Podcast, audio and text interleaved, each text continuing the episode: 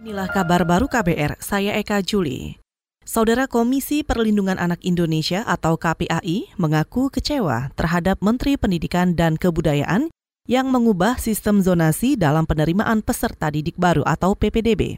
Komisioner KPAI Retno Listiarti mengatakan, Selama sistem zonasi, banyak kepala daerah yang sadar pentingnya membangun sekolah negeri di daerah masing-masing. Mereka sadar bahwa perumahan baru banyak tapi tidak disertai pembangunan sekolah. Sehingga ketika zonasi dilaksanakan, ada wilayah-wilayah luas dengan jumlah penduduk banyak tapi malah nggak punya sekolah. Lalu mereka membangun. Begitupun kota Tenggarang. Kota Tenggarang malah ada sembilan. Kota Pontianak menambah satu SMA negeri.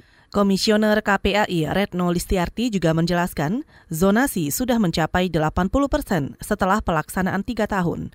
Namun, Nadim Makarim memutuskan untuk dilakukan pengurangan menjadi 50 persen. Dengan demikian, menurut Retno, sistem zonasi mengalami kemunduran karena diturunkan secara drastis. Ketua Dewan Pertimbangan Presiden atau One Team Press periode 2019-2024, Wiranto, senang bisa terpilih menjadi Dewan Pertimbangan Presiden dalam kabinet baru. Menurut Wiranto, pengalaman bekerja sama dengan Presiden Joko Widodo menjadi Menteri Koordinator pada periode lalu membuat ia paham target pencapaian yang ingin diraih pemerintah saat ini. Selama saya bertugas selama tiga setengah tahun menjadi Menteri Koordinator bidang politik, hukum, dan keamanan, selalu mendampingi beliau. Paling tidak saya, paham ya, saya paham bagaimana obsesi kenegaraan beliau ya tentang Indonesia. Bagaimana beliau sangat memperhatikan bagaimana peningkatan sumber daya manusia Indonesia yang menjadi human capital bukan hanya satu tenaga kerja yang kualitasnya rendah tapi masyarakat atau tenaga kerja yang punya kualitas sangat tinggi. Ketua Dewan Pertimbangan Presiden Wiranto juga menyebut salah satu obsesi yang selalu ingin dilakukan Jokowi adalah reformasi birokrasi dan percepatan perizinan. Ini lantaran tantangan Indonesia ke depan adalah dunia digital. Karena itu, menurutnya, semua aspek yang dilakukan pemerintah harus lebih pendek dan tepat sasaran. Dewan Pertimbangan juga akan memberi masukan-masukan yang dibutuhkan Presiden terkait pengambilan keputusan itu. Saudara Pusat Perlindungan Perempuan Pasundan Durebang mengatakan keberadaan undang-undang pornografi memicu sejumlah eksploitasi seksual perempuan.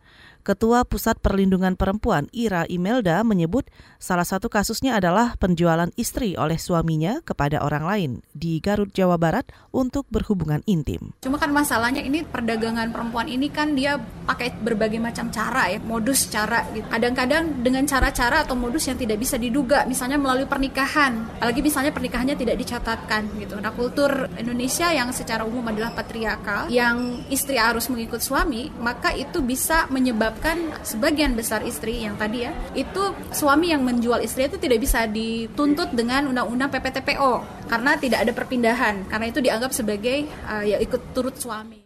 Atas kondisi tersebut, Ketua Pusat Perlindungan Perempuan Pasundan Durebang Ira Imelda meminta DPR dan pemerintah segera mengesahkan Undang-Undang Perlindungan Kekerasan Seksual. Ira juga mengatakan sejumlah eksploitasi terhadap perempuan, salah satunya adalah jual beli orang dengan doktrin agama. Badan Meteorologi, Klimatologi, dan Geofisika atau BMKG mengeluarkan peringatan dini kondisi cuaca hujan disertai angin dan petir di sejumlah wilayah di DKI Jakarta pada Selasa. Dalam informasi yang dirilis melalui laman resminya, BMKG menyebut empat wilayah berpotensi mengalami hujan disertai angin dan petir pada siang dan sore hari adalah Jakarta Utara, Jakarta Barat, Jakarta Timur, dan Jakarta Selatan. Sementara Jakarta Pusat dan Kepulauan Seribu diprediksi hanya mengalami kondisi cuaca berawan hingga hujan ringan. Sedangkan suhu di Jakarta pada hari ini berkisar 25 hingga 30 derajat Celcius Sementara untuk perakiraan cuaca seluruh Indonesia diprediksi rata-rata berawan dan terjadi hujan ringan. Saudara demikian kabar baru, saya Eka Juli.